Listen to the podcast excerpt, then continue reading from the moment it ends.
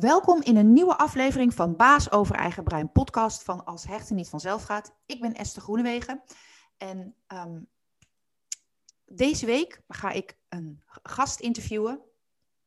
Op mijn pad gekomen en ik heb al eigenlijk een hele bijzondere ervaring met hem gehad.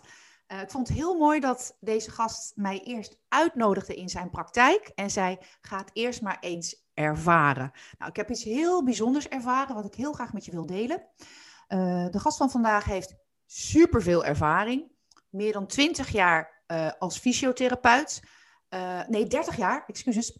20 jaar als osteopaat. En ook al meer dan 10 jaar ervaring als zijnsgeoriënteerd begeleider. Ik weet niet wat het is, misschien gaat hij dat vandaag nog uitleggen. En waar ik het voornamelijk over wil hebben, ook vandaag in deze podcast, en dat heeft me echt getriggerd, is de Grinberg-methode. Daar is hij ook vierdejaars practitioner in, dus heeft al heel veel uh, verdiepingslagen daarin gehad en heel veel ervaring daarin. En de gast van vandaag heet uh, Mark ten Seldam. Welkom, goed dat je er bent. Nog even voor de luisteraars, als je dit nu een interessant uh, interview vindt op YouTube of op de podcastplatforms, neem dan een abonnement of geef het een hartje, zodat we ook voor andere ouders weer beter te vinden zijn. Nou, welkom Mark. Goed dat je er bent. Dankjewel wij hebben eigenlijk een hele bijzondere start gemaakt. Ja. En, uh, want ja, we zijn met elkaar in contact gekomen. Jij zei van, kom dan maar gewoon eerst eens langs in mijn praktijk en ga het maar eens ervaren. En ik vond dat zo goed dat je dat op die manier hebt uh, aangepakt eigenlijk. Want daar gaat het eigenlijk om, hè? ervaren. Ja, maar laten we even een beetje beginnen bij het begin. Um, ik heb natuurlijk een beetje onderzocht van uh, wat, je, wat we vandaag kunnen delen aan de luisteraars en waar jij je al enorm in hebt verdiept. Maar vertel eerst maar eens even wie je bent en hoe je zo tot die Grinberg-methode bent gekomen. Ja, uh, dat is natuurlijk uh, de meest moeilijke vraag. Wie, wie je bent. ja, nou, je naam heb ik al gedeeld. Dus, en je hebt heel veel ervaring. Ja, ja, ja. Dus. Um dat, vroeger dacht ik altijd dat ik uh, bijvoorbeeld onzeker was. Dat ik een zwemmer, sporter was. Dat ik een fysiotherapeut was. Dus ik was allemaal onderdeeltjes. Hè? Of ik was een vader, of ik ben een opa. Maar uh, dat heb ik ook vooral bij de zijnsoriëntatie geleerd. Ja, wie je bent, dat is eigenlijk hartstikke lastig te benoemen. En uh, aan de ene kant, uh, vroeger riep dat paniek op. Nu kan ik gewoon zeggen, ja, ik weet eigenlijk niet zo wie ik ben. Ik weet wel dat ik nu met jou zit te praten. Oh, ja. En dat ik het leuk vind. En als ik een antwoord moet geven, dat het vreselijk is. Maar uh, tegelijkertijd is er ook weer niks aan de hand. Mooi. Ja. Ehm, hoe ik bij Grimberg ben gekomen. Ja, wij hebben zo, samen ooit eens een bij Hugo Bakker hebben we geleerd van, nou, bij een marketingcursus, je moet jezelf leren verkopen, je moet weten wat je wil.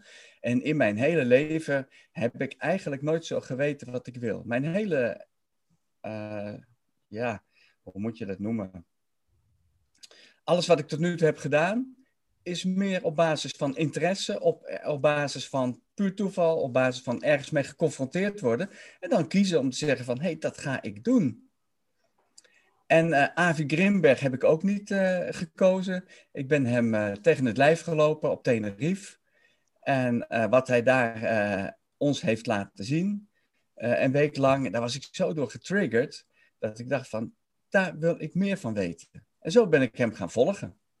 Mooi. Ik heb nog wat op zijn website gekeken. Nou, daar was ik totaal niet door aangesproken, maar ik heb wel gemerkt wat hij kon en wat hij deed. Dus ik denk, dat ga ik doen. En zo ben ik uh, op het spoor gekomen van de Grimberg-methode. Mooi. Uh, wat Avi uh, die week deed, uh, dat was op Tenerife, dat was vooral stopping movement. En dat is ja, dat, dat je eigenlijk leert om te bewegen met zo min mogelijk inspanning, los van oude patronen. Het is niet zozeer patronen doorbreken, maar patronen shaken. Dus je gaat met kleine stukjes bezig om, om inzicht te krijgen, en energie te ervaren en ook ervaren waar je jezelf inhoudt en tegenhoudt, waardoor je niet vol, voluit gaat. Ja, ik wil hem eigenlijk een beetje een stukje terugpakken. Ja, okay. uh, en kijken of we een beetje kunnen beginnen bij het begin. Hè? Want um, ja. ik heb natuurlijk heel veel luisteraars die zelf onveilig zijn gehecht of kinderen ja. die onveilig gehecht zijn. Dus wellicht kunnen we een paar stapjes terugpakken en dat we beginnen bij wat is nou eigenlijk trauma? Want dat is uiteindelijk wat je met die Grinberg kunt oplossen. Ik een beetje ja, helen. Dus ehm, misschien jouw visie over wat is trauma, welke gevolgen heeft trauma en hoe kunnen trauma's ontstaan? Ja, nou, de meeste trauma's zijn, zijn ervaringen die je hebt waarbij eigenlijk je zenuwstelsel op een bepaald moment geen antwoord weet. En we leren altijd dat er, dat er een fight- en flight-respons is. Maar wat ik zelf heb ervaren, dat ik altijd in iets kom wat totaal onmachtig is. Ik word er een beetje dom, slap, uh, ik weet het niet. Dus er is daarvoor nog een, een situatie uh, waarin je ook heel passief kan worden. Nou, het rare is, als je mij ziet, dan denk je, nou, die weet wel wat hij wil en alles. Maar aan de uiterlijke kant ziet het er heel actief uit. Maar van binnenuit kan ik dus heel snel dichtslaan. Ja, dat heet dan een parasympathische reactie, hè, eh, reactie. Maar kijk, de bedoeling is denk ik om zo min mogelijk namen te noemen. Want uh, dat brengt je weer in je hoofd. En ik wil vooral bij de directe ervaring blijven steeds. Dus, dus zowel in, op, de, op de tafel, maar ook nu. dus het noemen van namen en het snappen, ja, dat brengt je eigenlijk niks verder. Maar als je gaat ontdekken van, hé, hey, uh, trauma, oh, dat betekent dat ik even geen antwoord weet. En uh, dat je er soms even niet uitkomt. Dat vind ik op die manier belangrijk. Mooi. En zoals ik dat zie, die kunnen, zoals we tegenwoordig weten, overerfd worden. Uh, die kunnen in de baarmoeder ontstaan. geboorte is een moment. En zo zijn er in de jeugd vele momenten waarin je meestal niet gezien, niet gehoord, niet gespiegeld bent. En het gevolg is dan dat je ja, onveiligheid ervaart. als wat je in jezelf ervaart en de buitenwereld niet matcht, dan ga je onveilig voelen. En ik in mijn geval uh, ging me dan uh, vooral terugtrekken. Dus uh, ik ben, zoals je dat zou noemen, onveilig vermijdend gehecht. Oh ja. Oké, ja, ja, mooi. Ik vind het fijn dat je ook uh, daarin eerlijk in bent en dat je dat gewoon open deelt met ons. vind ik mooi. Ik denk dat er heel veel mensen hun leven eigenlijk prima op de rit hebben, hè, hun ding doen, maar toch ook daarachter komen, net zoals jij, net zoals ik, dat we onveilig recht zijn. Ja, en, en het nadeel daarvan is uh, dat je altijd een beetje terughoudt. Dus in ieder geval wat ik merk, ik heb me altijd teruggehouden, maar dat kan zelfs zover zijn uh, dat je daardoor ook niet meer weet precies wat je wil. Want anderen gaan voor jou bepalen wat goed is. Ja. Mijn ouders hebben altijd bepaald dat ik, uh, ja, we moesten naar een Montessori school, moest pianoles. Oh. Ik zat, uh, dat was uh, eh, 50 jaar geleden al, kreeg ik in de laatste twee klassen van de lagere school Franse les. Oh. Dat, dus, dus ze waren daarin aan de ene kant heel vooruitstrevend, maar werd continu, eh, ja, waren de verplichtingen. Want uh, ooit en later, nou, dan zou je dat uh, kunnen benutten. Oh ja, ja, ja, precies. Dus wat, wat ik gemerkt heb, ja, ik heb fantastisch leren volgen. Maar ondertussen, ehm, mijn, mijn passie, mijn enthousiasme zat er niet meer bij. En als je dat vertaalt naar de, en als je dat vertaalt naar de kennis van uh, uh, Grimberg en dat parasympathische zenuwstelsel. Ik weet dat je erbij vandaan wil blijven, maar ik wil altijd alles snappen. uh, wat voor gevolgen heeft dat voor jou gehad? Dan kon je niet voluit leven wellicht, of niet op zoek naar je passies, of je, ja, je talenten mochten er niet zijn, want het waren niet de talenten die je ouders graag hadden gezien. Hoe, hoe, was dat dan voor je? Ja, wat ik merk, en dat is bij Grimberg er nog maar omhoog, dat er heel veel onbewuste conclusies zijn die we trekken. Um, de de Grimberg-studie was uh, vlakbij Wenen, in Payerbach. Dat was in Oostenrijk. Prachtige omgeving. En ik geef even dit voorbeeld. Uh, vaak in de pauze gingen we wandelen. En uh, ja, aan de linkse kant weet ik nog, in de zon waren de bergen. Aan de rechtse kant was het dorpje waar ik overheen keek. En ik wandelde daar. En nou ja, goed, ik was natuurlijk attent op wat ik voelde, maar ook op wat ik dacht. En ik had zin om die bergen in te gaan. Dus ik ging die bergen in en ja, het ging vrij steil omhoog. En toen kwam de eerste gedachte van, oh ja, ik kan dit niet. Nou, omdat ik alert was, dacht ik van, ik kan dit niet. Normaal zou ik dus denken, ik kan dit niet. En uh, ging ik weer de andere kant op het dorpje in. Maar nu was ik wat alert, dus ik denk, ik kan dit niet. Toen dacht ik van, ja, ging daar wat meer over nadenken. Wat kan ik niet? Ja, ik kan niet in dit tempo doorlopen. Oh, dus ik heb mijn tempo wat vertraagd en ik ben weer doorgegaan. Kwam het nog een keertje. Er kwam de gedachte, ik kan het niet, ik red het niet. het lukt niet. Nou, die kwamen allemaal voorbij zo. En elke keer bleek het zo dat er dan bijvoorbeeld een pauze moest worden ingelast of iets anders. En wat ik daar dus in die tocht ontdekte, dat was, kon ik zo plakken op mijn hele leven. Als er een beetje een hindernis komt, hè, uh, een moeilijke vraag of wat dan ook, dan is daar direct de gedachte, ik kan het niet.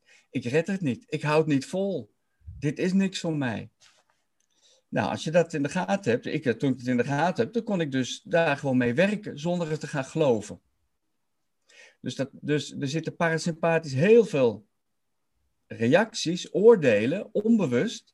En die maken dat je dus niet volledig kan gaan voor wat je wil. Ja, ja. Ja, het is grappig, hè? want we weten dan beide van onszelf dat we dan onveilig gehecht zijn. En ik herken me totaal niet hoe, hoe jij dat dan hebt beleefd. Ik heb eigenlijk complete andere kant. Ik ga overal doorheen. Dat kwam ook in de sessie naar boven natuurlijk. Wat nou, ik kan niet, ik kan niet zien. Ik zal wel even een poepie laten ruiken. En dan ga ik ook totaal over mijn grenzen heen, maar dan compleet andersom. Ja. En zo zie je dus dat, uh, dat je verschillende modi kan kiezen. Ik weet niet of je kiest. Kies je het?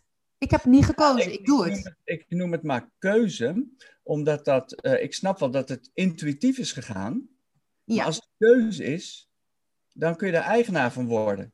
Ja. En als je geen eigenaar wordt van je probleem, dan blijf je slachtoffer. Dan zeg je, ja, ik kan er niks aan doen. Ja, zo werkt dat in mij. Oh, dat hoor je zoveel, hè? Ja. ja. En, en uh, uh, misschien is het waar, was je ooit slachtoffer. Maar als ik er, uh, het bewust tot keuze maak, ook al is het intuïtief gedaan, maar je hebt, je, hebt, je hebt daar wel wat gekozen. Je had het ook anders kunnen doen. Ik had net als jij er bovenop kunnen gaan. Ja. ik heb het wel eens met Avi Grimberg erover gehad. Die komt uh, uit Israël met de Palestijnen. Nou, die, uh, ik sloeg er bovenop. Ja, oké, okay, weer een ander patroon. Ja, ja precies. En, en vind je dat... En, en, dan kan je ook nog een beetje wisselen, hè? Ja, dus je kan ook van de ene naar de andere dus dat je, Ja, dat je, dat je een beetje heen en weer schiet. Nou, dan heb je eigenlijk, denk ik, drie patronen al te pakken. Ja, precies. Ja, ja. Je hebt ook iets geschreven over die uh, bottom-up. En ik weet dat ik dat ook steeds voorbij zie komen in het werk van Pieter Levine en Bessel van der Kolk. Zou jij daar ook iets over kunnen vertellen? Wat is dat nou? Hè? Dus volgens mij behandelen of benaderen vanuit bottom-up. Ja, we hebben top-down. Dat zijn vooral cognitieve therapieën, waarin je gaat nadenken over je problemen. Dus je probeert het van bovenuit op te lossen, waardoor je lijf, bij wijze van spreken, gaat ontspannen. En bottom-up werkt ergens eigenlijk andersom. Uh, we gaan met het lijf, de bottom, aan de gang. Hè, en top is dan je hoofd. En door met je lijf aan de gang te gaan, kan je allerlei dingen ontdekken. Dus dat is de, de kern van lichaamsgerichte therapieën. Hè, er zijn, er zijn nou, ik weet niet of er honderden zijn, maar in ieder geval tientallen. En via het lijf kun je dan dingen gewaar worden, herkennen. En, en op een andere manier dan uh, ook, ook cognitief evalueren, maar tot rust komen in je hoofd. Maar dan op een hele andere manier. En vooral zonder, zonder iets te moeten en te moeten veranderen. Dus ik vind het zelf een, eh, een hele fijne manier. Bovendien is het zo dat het lichaam uh, nooit liegt. het is vooral verbonden met onderbewuste delen van jezelf. En uh, nou ja, bij jou ook. Ik ben begonnen met je voeten. Oh, voeten nou gelijk. Ja, ja. Nee, maar om even aan te geven. een, van de onderdelen bij de Grimberg Method is dat hij uh, voet, uh, voetreflex, voetanalyse gebruikt. Om gewoon te kijken, wat, wat zien we in die voeten? Ja. Omdat je met je hoofd een pra prachtig verhaal hebt gemaakt. om pijn te vermijden, om, om, hè, om winnaar te zijn uh, vanuit je leven. Maar dat klopt vaak totaal niet met wat er op onbewuste gebieden gebeurt. In je lijf, in je buik, rond de ademhaling, spierspanning, maar ook bijvoorbeeld uh, in de reactie op pijn uh, in je voeten en zo. Ik wilde, wel, iets over, ik wilde wel iets over vertellen, want ik, ik moest er dus blank, blanco ingaan hè, van Mark. Dus nou ja, dat is me niet helemaal gelukt. Ik heb toch een beetje zitten, zitten googelen, maar niet te veel. Dus ik ging op die tafel liggen en toen ging je naar mijn voeten kijken. Ik denk, oh nee, is het zoiets? Weet je, ik dacht toch niet dat zweverige, hè, tussen haakjes dan, want ik, ik ben er wel van. Maar toen ging jij mij vertellen wat ik wat ik nu op dit moment bij me draag aan uitdagingen en processen. En vanuit die voeten, alles was gewoon waar. Dus ik was gelijk helemaal onder de indruk. Dacht van, hoe kan dat nou? Ja, en toen had je me natuurlijk gelijk gepakt. ja, ik vond, het heel, ik vond het een hele mooie manier van het starten van zo'n behandeling. Ja. Nou, en voor mij uh, als, uh, ja, als opgeleid als fysiotherapeut is het redelijk eng. Hè, want het is volstrekt onwetenschappelijk. Dus als je dat soort dingen doet, nou, dan ben je charlatan. En uh, ja, dat zijn ook allemaal van die dingen die je dan aan de ene kant niet wil. Maar je merkt direct hè, van, je hebt de persoonlijke ervaring. En die is dus anders dan allerlei verklaringen.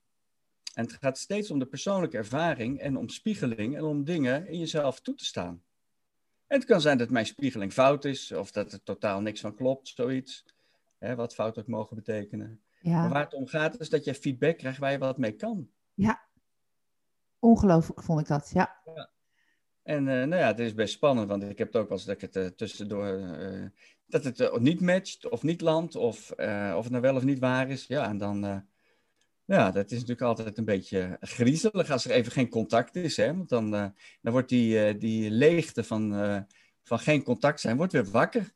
Ja. Nou, en daarin kun je rusten. Hè? Want vroeger moest ik het altijd oplossen. Dan ging ik please en aardig zijn. En toch maar weer bij elkaar zitten te komen. En nu kan ik in die leegte nieuwsgierig blijven. Ja, want dat is steeds wow. het enige. Hè? Want, want iemand kan het gewoon niet ontvangen omdat hij nog helemaal in zijn overlevingsmodus zit. Ja. Ja, dus het is ook wel een kwetsbare manier van benaderen. Fysiotherapie is denk ik dan voor jou een stuk veiliger om te doen. Ja, want dan ga je mechanisch. Ja. ja. En dit is, ja, het, het, het, het, het gaat meer ook vaak om, om een soort kunst dan om kunde. Hè? Om het juiste hmm. moment, het juiste te zeggen, te, af te tasten. Het komt niet alleen uit die voeten, het komt ook uit de sfeer. Je gaat je intuïtie gebruiken, wat het dan ook is, hè, intuïtie. En, en het ontstaat meestal, dus ik kan het ook niet inzetten, uh, maar ik ervaar het wel. Ja, ja. En ik kan ervoor kiezen om dat te gebruiken. En dan zeg ik soms dingen waarvan de andere breindeel denkt zo van... joh, dat kan je niet zeggen, kan je niet maken. Hè, dat oordelende brein. En, en vaak uh, landt het. En de dingen die ik zeg zijn dan... Uh, niet altijd, maar soms precies waar iemand zit. Ja. En nu we het toch over mijn eigen persoonlijke ervaring hebben. Wat ik dus heb ervaren van die sessie bij jou. Mhm. Ik heb het net nu net uh, ook weer aan, aan, uh, aan mijn man uh, zitten vertellen. Is dat ik mindblowing, dan ben ik 51.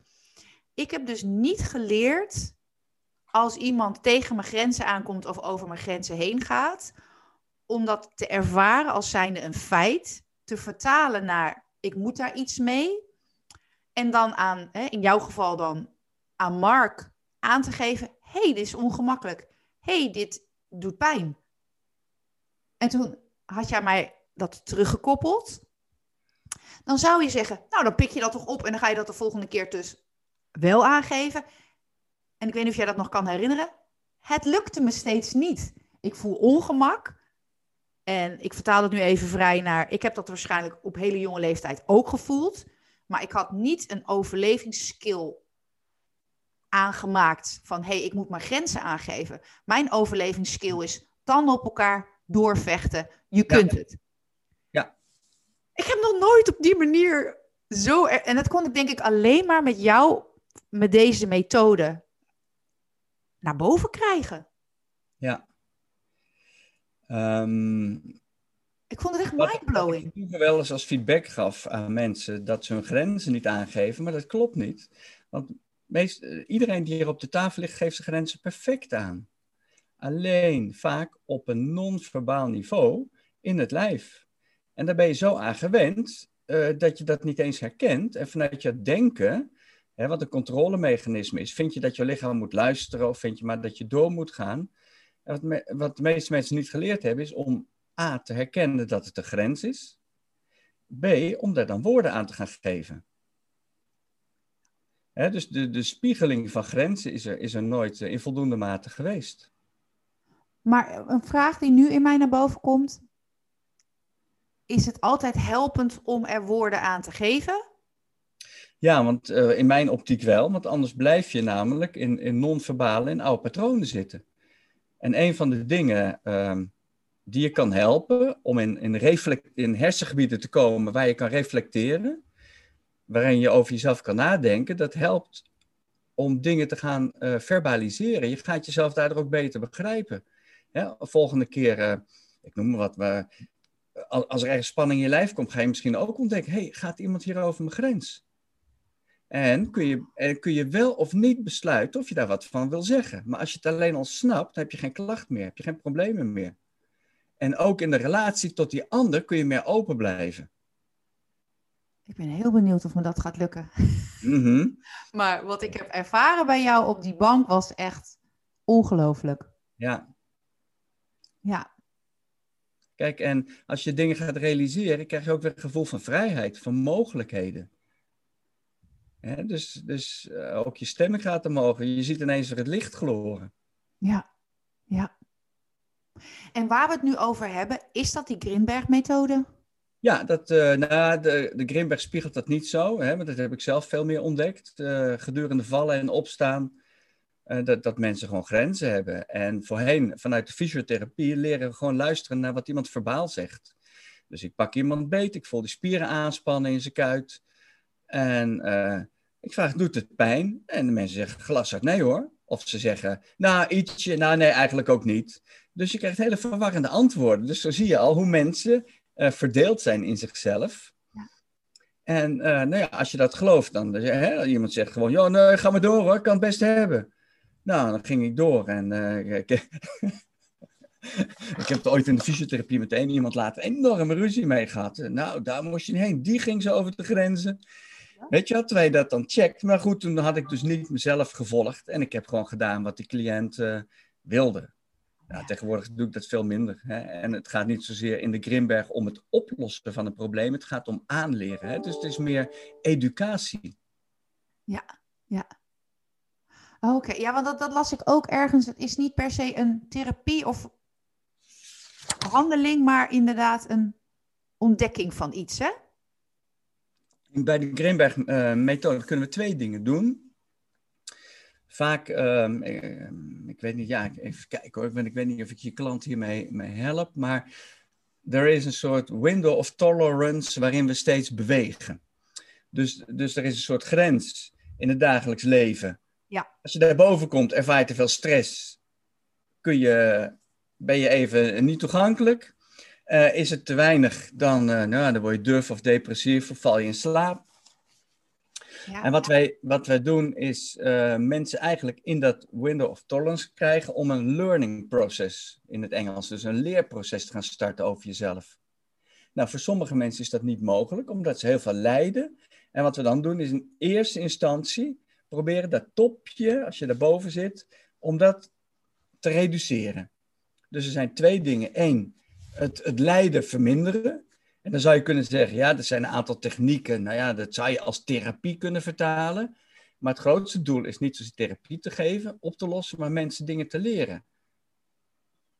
Hoe ze vastzitten in oude overlevingspatronen, wat ze niet in de gaten hebben. Dus iets onbewust bewust maken. Ja, het onbewuste bewust maken. Hmm. Als jij ergens in vastzit en je merkt dat je weer nek-schouderklachten krijgt en je gaat ontdekken van, hé, hey, die nek, oh, die kan ik aanspannen, dat kan ik erger maken, kan ik loslaten. Hé, hey, als ik dat doe, dan doen mijn schouders mee, oh, dan trek ik ook iets in mijn buik vast en uh, ik span mijn billen aan, hè, of mijn anus en mijn, en mijn linker grote teen. Dan ga je ontdekken dat het in patronen zijn. Ja. als je zo'n patroon kan oproepen en versterken, kun je het ook loslaten. Nou, dat is eigenlijk op het fysieke niveau. Maar dat gaat altijd gekoppeld met mentale en emotionele processen.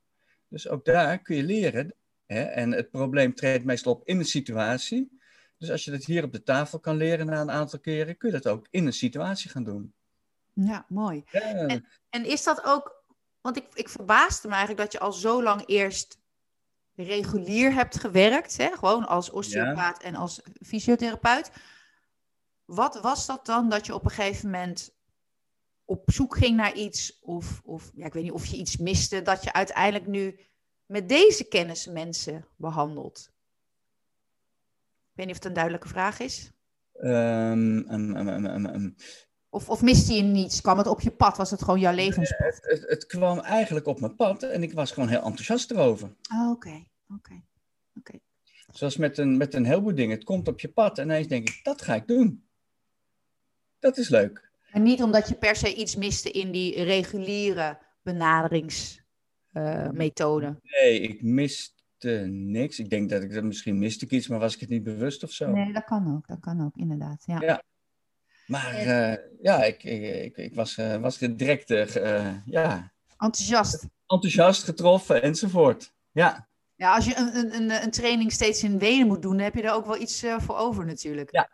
En het was zo. Ik denk, hé, hey, er komt weer een nieuwe tool in mijn gereedschapskist. Daar kan ik wat mee. Ja, zo Nou. zeg ik het ook altijd, ja. Ja, ja, ja. Toolbox die moet vol. Ja. Wordt vol. Nou ja, en ik weet nog dat ik daar in die cursus zat met 50 andere studenten. En eh Ivy Grimberg zei: Jij bent de enige die het eh, heel zwaar gaat krijgen. Zei die dat?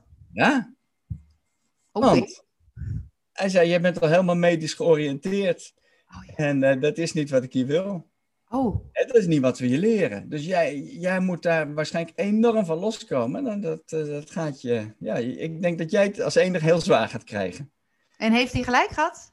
Ja, ik denk het wel, hè? want je ziet het in het begin nog als een tool, als een toolbox. En als een, als een ja, techniekje wat je toepast. En natuurlijk zijn het technieken, maar de kunst is om die vanuit openheid toe te passen, vanuit niet weten. Ja. En eh, ja, dan, dan is het niet meer van, als ik met je voet bezig ben, eh, van mijn part, oh, nu pak ik druk op dit punt, nu ga ik even de schouder behandelen of zo. Nee, het is, eh, het is, het is heel anders. Ja.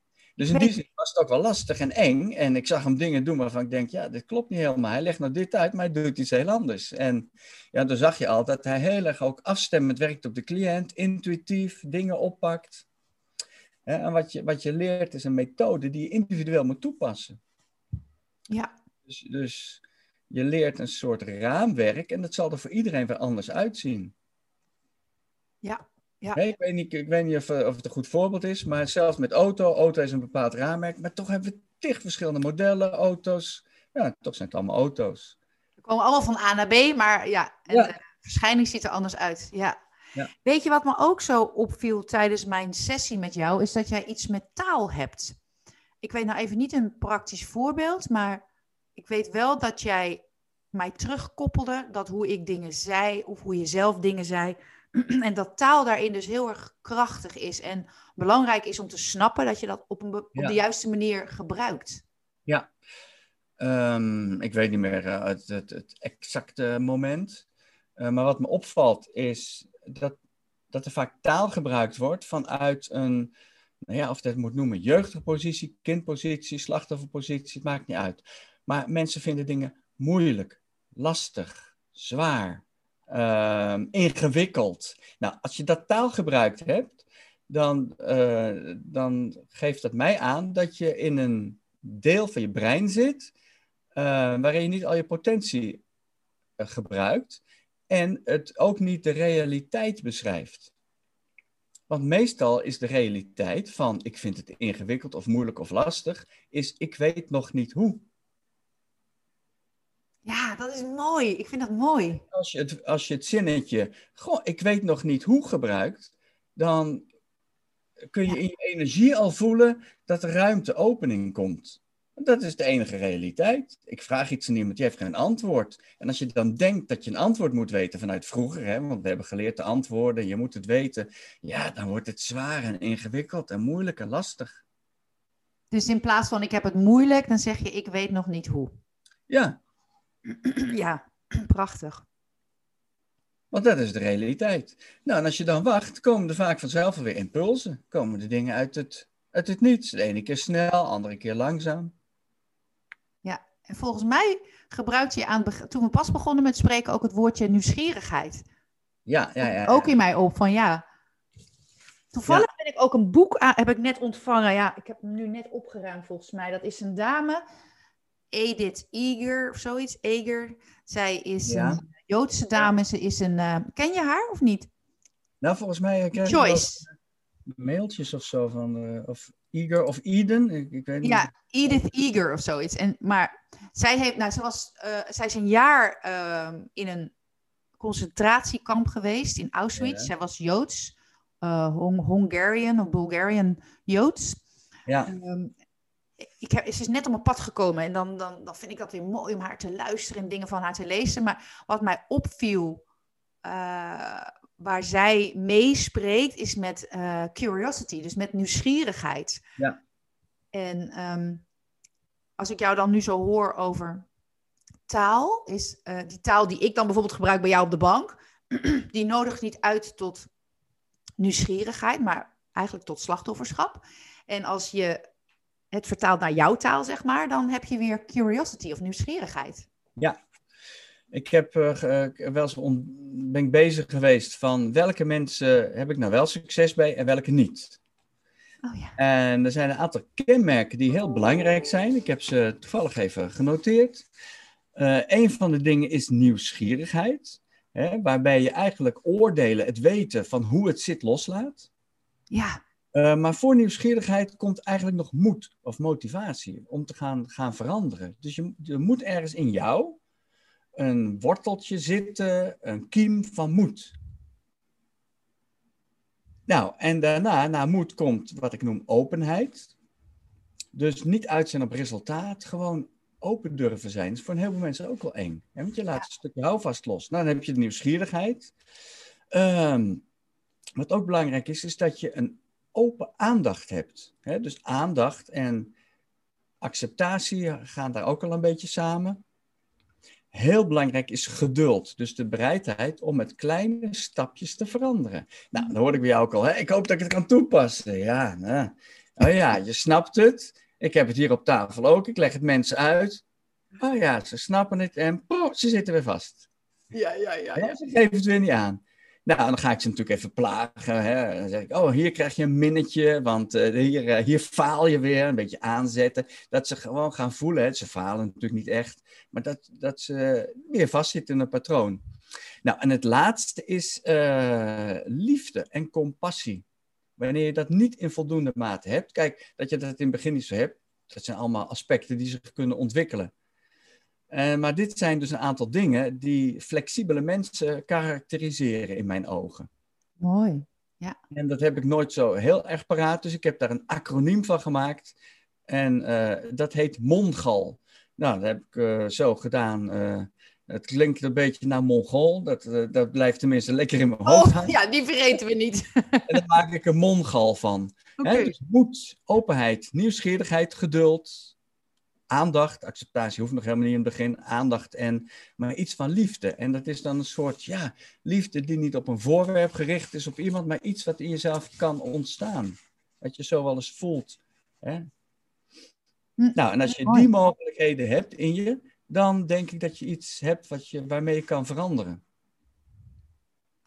Zou je Dus- het dan ook veranderen noemen? Of zou je het zeggen weer eigenlijk terug naar wie je ons oorspronkelijkheid authentiek had mogen zijn? Veranderen vind ik altijd zoiets dat. Ik zeg dat ook altijd hoor, maar ik, onderzoek soms wel eens woorden. Hoe zie jij dat woord veranderen? Ehm, ja, mijn praktijk heet Inner Change. En het gaat Oh ja. om een innerlijke verandering. Dus, dus wat, niet dat je moet veranderen, Ja. maar we veranderen sowieso elke dag. Dat is waar, dat is waar. Eh, maar als je ineens iets helder hebt en je zegt, oh, daar kan ik wat mee. Oh, met taal, met, met, oh, ik let iets meer op mijn taal. Ja, dat is al een verandering. Ja, ja, zeker. Ik las ook iets op je website over die methode over de passion proces. Ja, Hoe, zou je daar ook iets meer over kunnen uitleggen? ja dan ga je iets meer in op, eh, op de methode van de Grimberg method. Ik weet niet of iedereen er wat op heeft, maar eh, ook daar, eh, de eerste P, passion is ook een acroniem. Oh, oké. Bijvoorbeeld eh, richt je aandacht. Dus pay attention, dus daar is die P voor. Mhm. Nou, zo, hè, zo leer ik mensen een aantal dingetjes, eh, stap eh, voor stap. Maar ik denk dat je daar zo niet zo heel veel aan hebt. Maar in dat proces, hè, want het is een leerproces, waar je mensen doorheen gaat, leer je ze dingen over zichzelf. Ja, ja, ja. En waar we het nu in de afgelopen periode nu tijdens het gesprek over hebben, gaat dat al over de Greenberg-methode of is het ook gewoon je eigen visie in het eh, behandelen van jouw cliënten? Ja, het is beide. Hè. In, de, in dat mongal geef ik al direct aan van eh, eh, hoe ik dat zie. Nou, Grimberg noemt het ook, maar die noemt het anders. Want die zegt, ja, Grimberg method is niet voor iedereen geschikt. Het is alleen eigenlijk voor flexible people. En Nou ja, zeg Ja. niet wat. Dus zo, zo heeft hij dat ooit, heb ik uit aantekeningen gevist. Maar goed, ja, wat is dat dan? Terwijl als je deze kwaliteit in jezelf ontdekt, van oh, bijvoorbeeld nieuwsgierigheid, ben ik wel eens nieuwsgierig? Oh ja, ja nou, dan weet je dat je het hebt. Misschien niet in alle situaties, misschien niet ten aanzien van je lijf, maar ben je wel nieuwsgierig ten aanzien van je kinderen, maar dan weet je al dat je het hebt. Ja, ja. Oké, maar wat je in de ene situatie hebt, kun je ook in andere situaties leren toepassen. Ja. En het wordt natuurlijk wel interessant als ik dus ook weer aan de choice denk hè, van die Edith. Uh, Ja. Zij, ehm, ging op, zij heeft dus gedanst voor die Jozef Mengele, omdat zij dus een, bal- een ballerina was. En eh, zij zegt ook in die extreme omstandigheden, what kept me alive was my curious, curi- curiosity. Dus hoe komt het dat deze man in deze omstandigheid dit gedrag laat zien? Ja. En door haar curious, curiosity kon ze ook weer vergeving opbrengen voor eh, ja, zo'n extreme situatie. Dat zijn wel krachtige woorden en, en, en emotie. Nou, ik weet niet of het Ja. emoties zijn, maar tools eigenlijk om iets door te gaan. Ik weet bijvoorbeeld in mijn werk met ehm, onveilig hechte kinderen. eh, vaak zitten deze kinderen in enorme heftige situaties van een vechtscheiding. Hè, of vooral moeders die zien, mijn kind is onveilig gehecht. En vader die zegt, stel je niet zo aan. En dat komt allemaal door jou. En dan wordt het opeens allemaal heel erg ingewikkeld. Want dan kun je dus niet meer nieuwsgierig zijn naar die ex. Of er vergeving vinden voor die ex. Want je vindt het natuurlijk een wijze klootzak. Ja. en als je toch onder die extreme... Want dan denk ik dus aan die Edith, hè, dat 16-jarige meisje... wat in zo'n kamp terecht kwam. Ouders natuurlijk gelijk verloren. Uiteindelijk is haar zus ook mee overleefd, eh, overleefd met haar. Maar met z'n tweeën overgebleven. En toch vond zij in die extreme omstandigheden ruimte voor vergeving en nieuwsgierigheid. En vooral die nieuwsgierigheid vond ik zo mooi. Dus onder extreme omstandigheden toch nieuwsgierig kunnen zijn naar iemand die je gewoon wel eigenlijk heel stom vindt. Dat vond ik echt, dat heb ik nu al eigenlijk van haar geleerd. Dat vond ik bijzonder. Ja. Nou, ik denk dat het mega moeilijk is. Dat vraagt van alles. hè. Je kan je voorstellen als je in zo'n concentratiekamp zit, hoe dat, hoe dat is.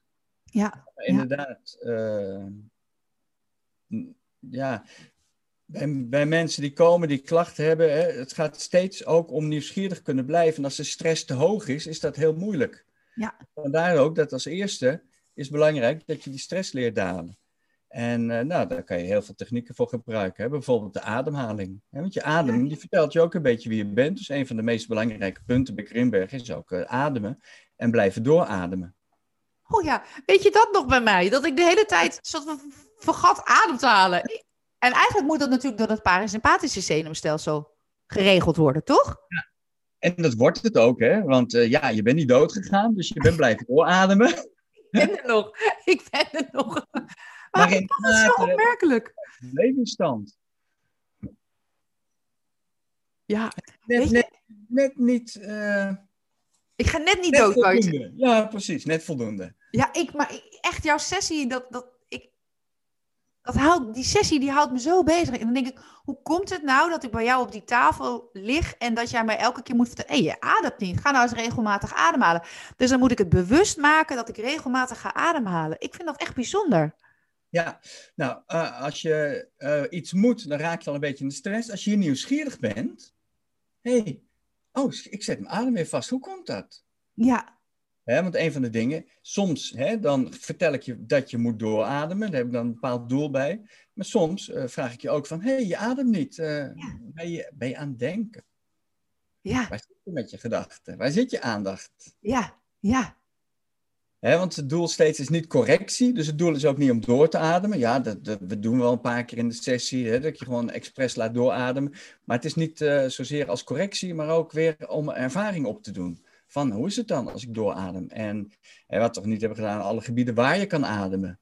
Ja. En hoe je daarmee kan spelen. En hoe je hè, met een soort huiswerkprogramma eh, dingen voor jezelf eh, tussen de sessies door kan onderhouden.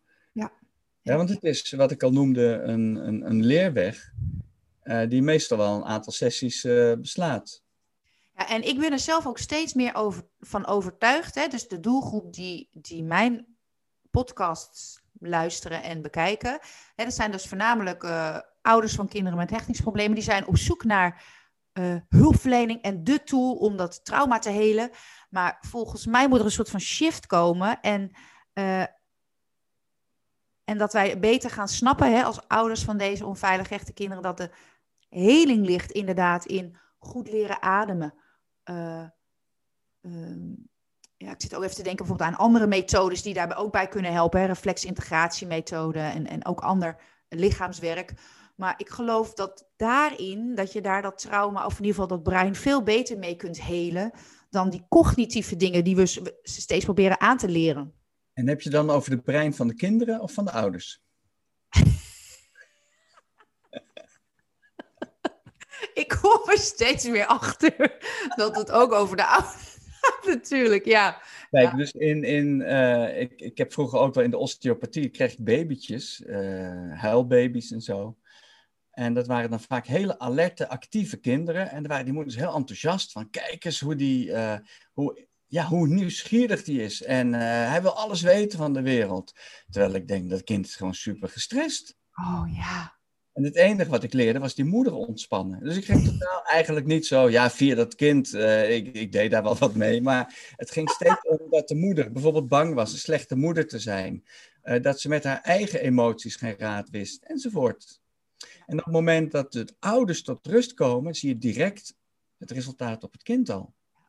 Ja. Dus uh, wat mij betreft, ik werk niet zozeer daarom, ja, via babytjes dan wel, maar met kinderen, maar met de ouders. Ja. En we weten dat uh, hechtingsproblemen worden doorgegeven uh, van de ene op de, van de ouder. Het kan, kan van beide ouders zijn, maar ook van één ouder op een kind. Ja. En door met de ouder aan de gang te gaan, dat is de beste manier waarop ze hun kind kunnen helpen. Ja, ja. En ook beter kunnen begrijpen. Ja. He, dus uh, als ik werk met mensen, zijn dat vaak onveilig gehechte mensen. En uh, door ehm, nou ja, door, door met je eigen trauma's aan de slag te gaan. Hè, en ook, ook bijvoorbeeld weer kwartaal en zo kun je kijken hoe, hoe je zelf uh, bij kan dragen. Niet alleen aan meer rust bij jezelf, maar ook binnen het gezin. Hè, volgens mij heb ik jou ook het voorbeeld gegeven van moeders die dan heel gestrest zijn. En, uh, want ze krijgen weer te weinig steun, hè? dus ze hebben de behoefte aan steun. En dan liggen er weer van die sokken op de trap. En, en, en, dan vraag ik wel eens, heb je dan wel eens gevraagd, heb je wel eens uh, uh, aangegeven dat je behoefte hebt aan steun uh, aan je zoon of dochter die dat dan doet? Ja, nou, tegenwoordig geloof ik dat niet meer. Dus dan zeg ik, nou, wat zeg je dan letterlijk? Nou, dan zeg ik, ruim je zooies op. nou, oh, dus ze geloven werkelijk dat zo'n kind snapt dat zij behoefte heeft aan steun als ze zegt, ruim je zooies op. Ja. Nou, en Alleen als ik dat een paar keer spiegel, dat land vaak nog helemaal niet. Want ja, ze zijn ervan overtuigd dat ze om hulp vragen, dat ze Ja. om steun vragen. Ja. Maar wat er uit je mond komt, is totaal iets anders. Ja. ja, dat was een hele goede inderdaad. Ja. Nou, daar ga ik dan mee bezig. Dus ehm, ja, voor ouders met, met onveilig gehechte kinderen. eh, het, de eerste is vaak dat mensen zich enorm schuldig voelen. En die schuld moet eraf. Ja. Er is ooit iets gebeurd en dan was je zelf ook de pineut. Nou, had je slechte ouders? Nee, maar het is wel, eh, het is niet gegaan zoals de bedoeling was. Ja. ja, precies. En daar kun je dus ook die Grinberg-methode mee. Ja, hartstikke goed. Ja. Als je het leuk vindt en als je mondgal, als je al die aspecten hebt. Ja. Want je leert niet zozeer cognitief dingen oplossen. En dat is vaak wat we willen. We willen gewoon iets in het hoofd oplossen. En het moet snel. Ja, dus, is dat ja, dus dan is dat geduld. Hè? Kijk, moed heb je, want je bent terecht gekomen. Maar oh, hoe zit het met het geduld? Ja, ja. Nou, want je weet, in sommige situaties heb ik wel geduld. Hè? Je doet al die podcasts, dus je hebt geduld bijvoorbeeld. Nou, zo kan iedereen voor zichzelf kijken van, oh, is dat iets voor mij? Ja. Spreek het me aan. Ik denk dat het meest belangrijk is. Lichaamswerk, hè? want ja, over die Grimberg-methode, ja. Ehm, Ja, het- daarom heb ik jou laten ervaren, hè? Via, via het lijf, via adem, via voelen, hoe je, hoe je jezelf splitst, hoe je dat weer los kan laten. Maar volgens mij zeg je ook, eh, in ieder geval op je website, dat die, die Grinberg-methode ook niet iets heel erg langdurends is. Hè? Dat je echt wel met een paar sessies al bewustzijn kunt creëren. Ja, je kan met een paar sessies heel veel bereiken. eh, hoewel sommige processen toch langer duren. Ja, maar je Ja. zou er natuurlijk een paar kunnen deelnemen. Dan ga je gewoon weer een, op, een stukje op je levenspad. En dan komt er weer een ander je. moment dat je weer even terugschakelt. Kijk, het is een beetje afhankelijk van je doel. Een van de dingen is dat je eh, weet eh, van wat je wil veranderen. Hè? In bepaalde situaties, met je zus of met je moeder. Of loop je klem, kind. val je stil met je kind. Uh, met kinderen meestal dat ouders op ontploffen staan of zich een slechte moeder voelen, uh, niet meer weten hoe ze ermee om moeten gaan. Ja. En dus dat kan, dat, dat kan heel goed werken. Ik weet niet meer het begin van je vraag.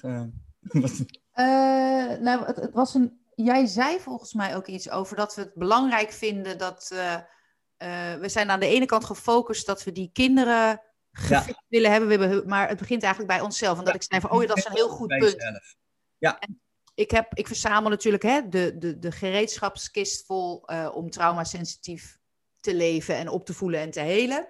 Ja. En um, wat ik ook merk, dat de, een aantal andere methodes die ik ook heel goed vind, die werken bij het helen van een getraumatiseerd brein, is dat die therapeuten meestal ook ouders meebehandelingen. Als je bijvoorbeeld over tomatisme hebt of neurofeedback, de echte goede praktijken die zeggen: Oké, moeder, als je dan toch op kind zit te wachten, jij wordt gewoon meebehandeld. Want ouders zijn op een gegeven moment ook uh, burn-out, uh, uh, gestrest of huwelijk met allerlei spanningen. Dus zo'n heel systeem gaat door dat heftige gedrag van dat kind natuurlijk op een gegeven moment uit balans. En het is gewoon heel goed als je dan snapt van hé, hey, die ouders hebben net zoveel werk te doen, maar ook hulp nodig als het kind. Ja, ik denk dat het start bij de ouders. Dus al die methodes die de ouders centraal uh, zetten, ben ik heel erg voor. En daarnaast kan het zijn dat het kind nog extra ondersteuning, aandacht en zo nodig heeft. Ja, ja. En inderdaad, waar we het ook al ook over hebben gehad, die taal. Um, dat leer ik ook in mijn jaartrainingen aan, aan, uh, aan ouders. Ik onderbreek ze dan vaak, omdat ze te veel in die andere modus zitten, hè, waar, waar we het net over hebben gehad. Wat, wat zei je ook alweer van... Uh, uh, het is moeilijk, het is lastig, of het kind dit, het kind dat. Dat ik ze steeds loskoppel van, oké, waar gaat het nu eigenlijk over en welke woorden kun je nu beter gebruiken, dat je uit die slachtofferrol blijft. Ja. ja. En um, ik, ik gebruik eigenlijk nooit, nooit adviezen. Ja, ik val er ook wel eens in. Hè? Welke woorden kun je beter gebruiken? Maar uh, waar ik meer heen wil, is een soort beschrijving van de realiteit. Dus ik zeg niet welke woorden je beter kan gebruiken, want dan moet je alsnog weer naar een moetje soort verandering. Oh ja, ik heb het niet goed gedaan. Nee, maar van realiseren van, oh ja, hier weet ik het niet. is eigenlijk beter dan, oh het is moeilijk, het is slecht. Goh, en wat is, Wat is de verandering in mijn lijf? Dus ook daar steeds nieuwsgierig naar blijven. Ja, dat vind ik echt heel mooi. Ja. Ja. Nou, en wat me ook opvalt, is dat heel veel, uh, het zijn vooral moeders die ik hier heb, heel hoogsensitief zijn. Dus die pikken wel van alles op, maar dat doet hun onveiligheidssysteem uh, aanwakkeren, waardoor ze weer uh, in een nou, vecht- of vlucht- of freeze-modus komen. En dat ze dat ook leren herkennen. Ja, want dat is via het lichaamswerk heel belangrijk. En het herkennen dan is dan. Vaardig. Wat zeg je?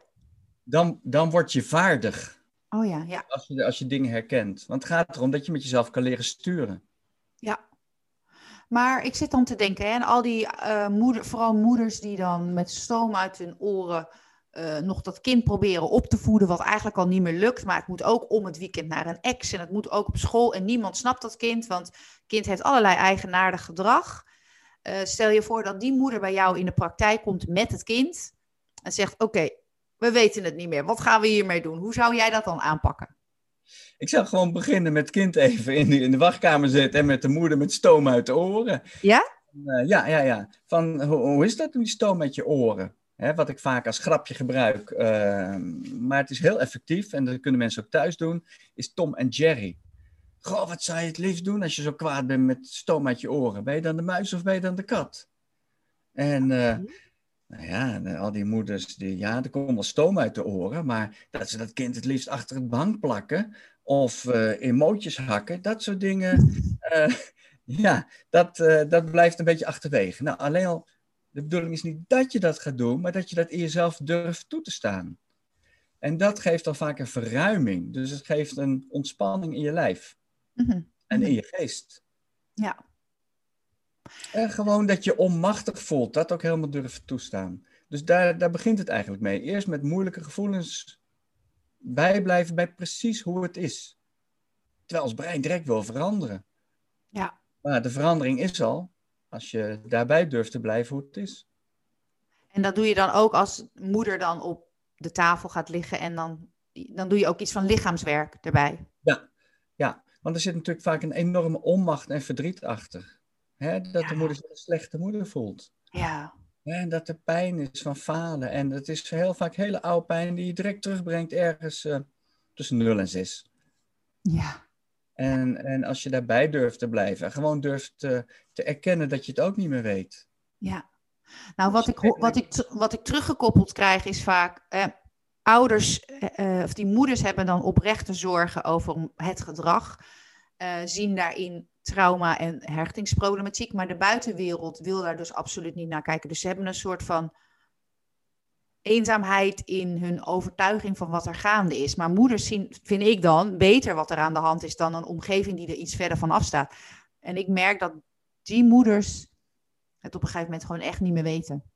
Die, ja. die voelen zich zo machteloos. Ja, daar gaat echt mijn hart ook naar uit soms. Ze hebben, het ze hebben gewoon dat onderbuikgevoel en dat ik leer ze altijd van ga daarop vertrouwen. Als jij voelt dit is helemaal niet wat ik wil en, en al die mensen zeggen ja en jij zegt nee, dan heb jij gelijk, want jij hebt je waarheid in je lichaam. En dat, daar, leer, daar zijn we niet meer in geoefend om, dat, uh, om ja. daarop te mogen vertrouwen. Maar ik denk dat daarnaast, hè, want ik geloof dat ook heel veel, dat het uh, vaak dat het onderbuikgevoel helemaal perfect is. Maar wat we zien is dat we ook helemaal kunnen inzoomen op iets en uitzoomen. Het kan dus zijn dat jij zo inzoomt op een onderdeel als moeder, dat je geen contact meer met de buitenwereld erover kan maken. Dus een van de dingen die je kan leren is denk ik zowel inzoomen als uitzoomen. Oh, op, mooi. Uh, nou ja, ik, ik, noem het maar even dan het probleem, maar op de oh. situatie waar je niet mee om kan gaan. Ja, dat heb je heel mooi gezegd. Je krijgt inderdaad een beetje die tunnelvisie. Dus je ziet ja. eigenlijk helemaal niet naar wat er nog wel is. Ja. Alleen maar naar het probleem wat ja. in die tunnelvisie steeds groter wordt. Ja, en op het moment, uh, het kan best zijn dat zo'n kind in een bepaalde situatie onmogelijk gedrag vertoont. Uh, maar misschien als je steeds meer uitzoomt, zie je ook nog hele andere mooie aspecten. Ja, ja. Stel je voor dat zo'n moeder bij jou op de tafel ligt, die dus echt helemaal vastzit in haar verhaal. Niemand wil naar me luisteren. Mijn ex is tegen me. Uh, de, de leerkrachten snappen niet. Ik word helemaal gek. Hoe zou je haar dan benaderen? Als je zo voelt, wat voel je dan? Uh, waar zit de focus in je lijf? Oh ja. Dus wat gebeurt er dan bijvoorbeeld? Hè? En soms stuur ik mensen gewoon naar de buik. Wat gebeurt er dan bijvoorbeeld in je buik? Ja. ja. Of ik kan minder sturend vragen, gebeurt er dan iets in je buik? Ja. Dus ik wil de aandacht steeds op het lijf. Dus de hele situatie mag helemaal precies zo mentaal blijven als die is. Ja. Maar, maar verandert er iets in je lijf als je zo voelt? Nou, er verandert natuurlijk niks, want voor iemand is iets normaal. Dus al zit je met gebalde vuisten, al zit je met opgetrokken schouders, als je dat altijd doet, is dat normaal. Dan is er ook een normaal beeld bij voor jouzelf. Dus daar begin ik eerst mee te spiegelen. Hè? Want mensen voelen meestal niks, wat dat niks is, of ze voelen normaal. Maar oké, okay, uh, oh, dus het is normaal dat je uh, met je vuisten balt. Oh, het is normaal dat je uh, je buik zo intrekt. En dan, dan komt het in bewustzijn, dan komt het lijf in bewustzijn en dan ga je een soort verruimen. Mm -hmm. Je komt daardoor automatisch meer uit je overlevingssysteem. Je gaat meer naar de schouwende breindelen. Oh, dan moet je ook nog iets vertellen. Want toen ik bij jou was, ik vertel altijd het verhaal van de drie breinen. En dan kom jij opeens met je vier breinen. Vertel, ja, die. Er is opeens een dolfijn bijgekomen. Ja, een dolfijnbrein. Ja, ja. Hoe noem je het vierde stukje brein? Ik denk dat het vierde stukje brein de prefrontale hersenschors is. He, dus we hebben over de triune brein, het driedelig brein van Paul MacLean.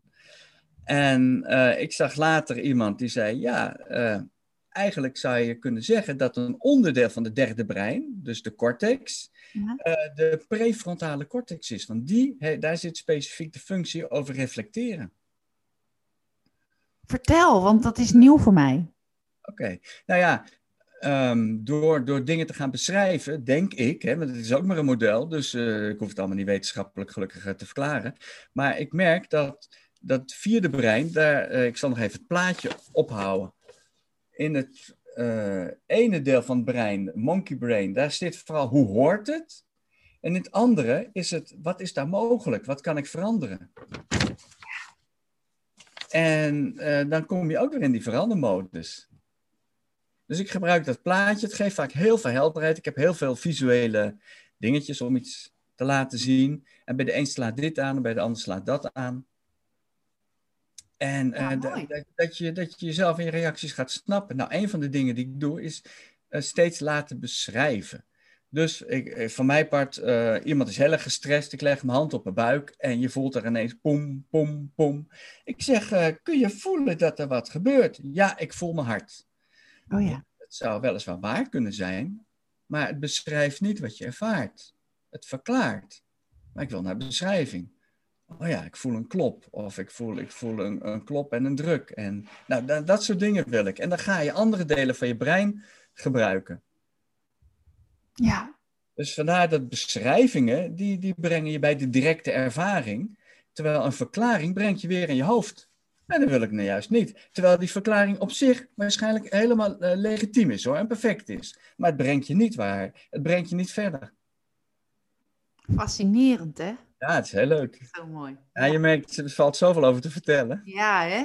Ja. Ik zat ook al stiekem eh, een beetje naar de tijd te kijken, maar we lopen al een beetje tegen het uur aan.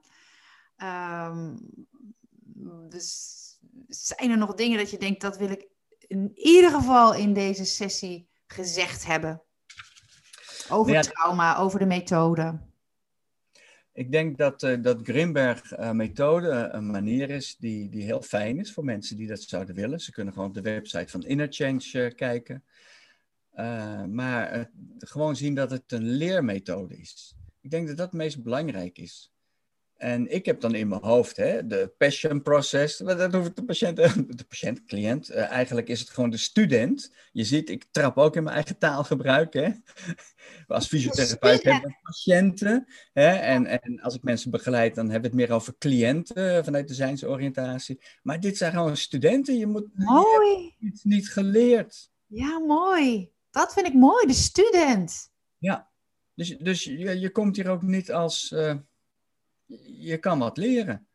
Ja, Je hoeft niet behandeld, gerepareerd te worden. Weet je, dat is een beetje de blik vanuit psychotherapie, eh, zoals ik het ken. En eh, er, moet, er moet wat gefixt worden. Nee, er hoeft niks gefixt te worden. Je hoeft alleen jezelf te snappen. En dan kun je besluiten of je dezelfde weg wil doorgaan of niet. En wa- wat vaak niet is gebeurd in voldoende mate spiegeling. En wat ik vaak gebruik als voorbeeld is... eh, als je zo'n geel ding in je mond stopt en je doet zo... en niemand vertelt je dat het zuur is... dan zou je dat nog steeds doen als volwassene. ja, ja. Als iemand zegt dat is zuur, hè, zuur... en, dan, en dan, dan ga je er wat over weten over jezelf.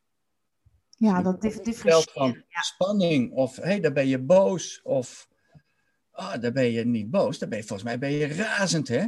Want eh, iets belangrijks voor jou eh, is niet doorgegaan. Hè? Dan wordt er ook nog gespiegeld naar onderliggende verlangens. Dat, dat hebben we meestal niet gehad. Nee, nee, nee, dat is waar. Dat di- differentiëren is op die hele jonge leeftijd. Ja, Nou, ik waarschijnlijk ook niet. ja, heb je misschien nog iets, eh, iets van een eh, ervaring van, eh, uit jouw praktijk van jongeren of kinderen, dat je zegt, ja, dat was, dat was voor mij, dat, dat stond echt uit met wat ik heb mogen betekenen voor deze student en waar die mee naar huis mocht gaan? Iets van een hele bijzonder inzicht of ervaring. Ja zelf. ehm, ik ben bezig met de dingen te leren. En dan, hè, zoals jij ook zegt, bijvoorbeeld, nou, dat was een hele waardevolle ervaring. Oké, dat is allemaal individueel. Dus wat ik wel doe op de site, eh, heb ik dat gedaan. Wat, als mensen iets zeggen, vaak opschrijven. En dat zet ik er gewoon bij. Oh ja, ja. Ehm, voor mij is het is elke keer weer, weer eh, nieuw en spannend. En ik weet ook niet wat er gaat gebeuren. Nee, Dus, nee. eh, en voorheen, ehm, vanuit de fysiotherapie, als iemand na twee of drie keer eh, klaar was, dan zeg je, yes, dat heb ik goed gedaan. Ja, ik, maar het vervelende is eh, dat, dat dat niet zozeer van mij afhankelijk is hoe iemand leert. Dus het is heel, dat is eh, fysiotherapeutisch gezien heel naar, hè? want ik kan het niet meer aan mijzelf ophangen van, nou, dat heb ik goed gedaan. Oh, ben ik een supergoeie therapeut. Oh ja, ja. Oh, zo bedoel je. Ja, ja. Zo bedoel ik dat, hè? En eh, ja, wat is me nog bijgebleven? Kijk, wat, wat me wel is bijgebleven, misschien is dat ook een antwoord op een van de eerdere vragen, hoe het zo gekomen is.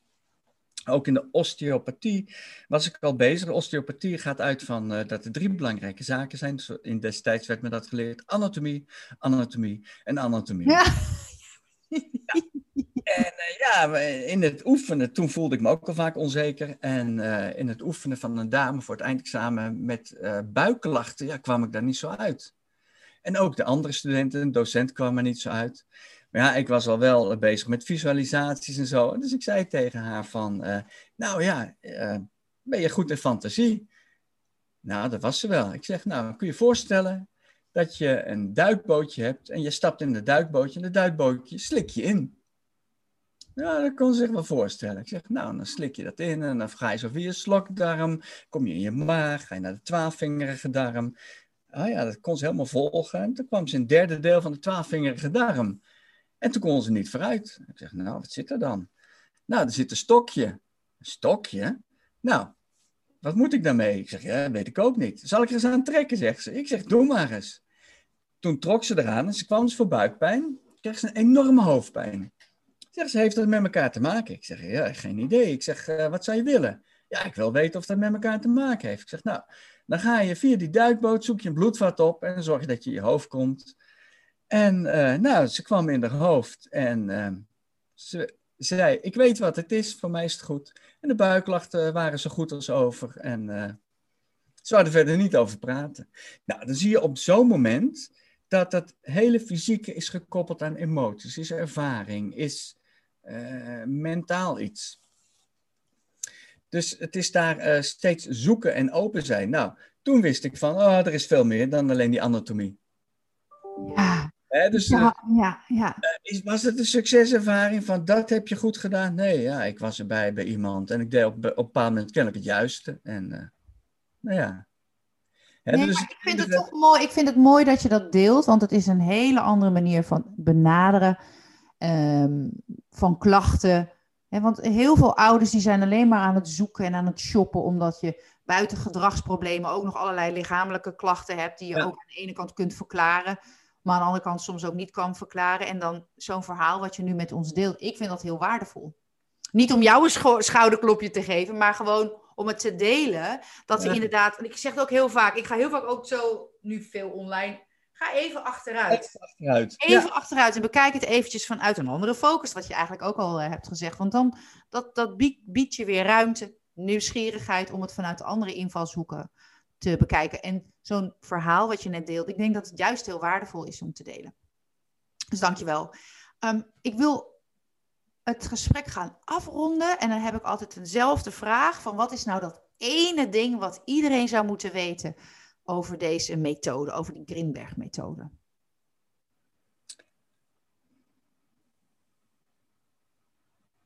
Nou, ik denk dat wat ze zouden moeten weten. Nou, de Grimberg-methode die, die leert je vooral om jezelf te zijn. Dus hoe, hoe, word, ja, hoe word je? Hoe, begint gewoon met direct jezelf te zijn. In hoe beperkt, uh, stom, uh, verkrampt, nou ja, hoe je je ook aantreft. En dat leren we op een lijfelijke manier. En als je dat kan, dan ontvouwt zich vanzelf een heel proces. Waarbij je steeds meer jezelf wordt. En niet omdat het moet, maar ja. Niet omdat het moet, maar omdat het kan. omdat het kan, hè. En, en als je steeds meer jezelf bent, ja, dan kan je ook gaan waar je wil. Met je kinderen, uh, in, in de relatie met je partner, meer verwoorden, minder reactief zijn. Gewoon ook in stress kijken van uh, wil ik hier wel, wil ik hier niet reageren? Ook met een kind. Al is het super driftig dat je stabiel kan blijven en zeggen van nou, hier is het ontoegankelijk. Hier, uh, op dit moment heeft het geen zin. Ja. Dat je kan kiezen terwijl, terwijl je misschien het kind het liefst door de gang mept. Of weet ik van. Ja, ik kan me zoiets voorstellen. Zijn kop eraf trekt, weet je wel? Dat zijn allemaal zaken die mag je van jezelf meestal niet denken. En uh, als je dat in jezelf kan, kan toestaan, hè, dat is dan het gevolg, dat is niet de Grimberg-methode zelf, maar wel dat je dus helemaal daarin jezelf kan zijn. Authentiek. Ik wou dat net aan je vragen. Mogen we dat authentiek noemen? Ja. Authentiek, ja. Ja, dat vind ik mooi. Dat vind ik ook gelijk een mooie afsluiting. Graag Hoe, kun- hoe kunnen mensen jou vinden? Je hebt het al een keer verteld, maar zeg nog maar eens even waar. Mensen kunnen mij eh, vinden via de site www.innerchange.nl. Eh, ze kunnen zoeken op Mark ten Seldam. Ze kunnen zoeken op Grimberg Ehm, en ze kunnen natuurlijk contact opnemen, telefonisch direct 0645 818 810. Goed zo, gooi er maar eventjes promotie doorheen. Nou, ik vond het helemaal fascinerend om met jou in gesprek te gaan. Ook om het te, eh, te ervaren. Ik ga ook zeker nog verder met je aan de slag. Omdat ik verder op, eh, op avontuur wil eh, met jou. Ehm, Dankjewel voor het compliment.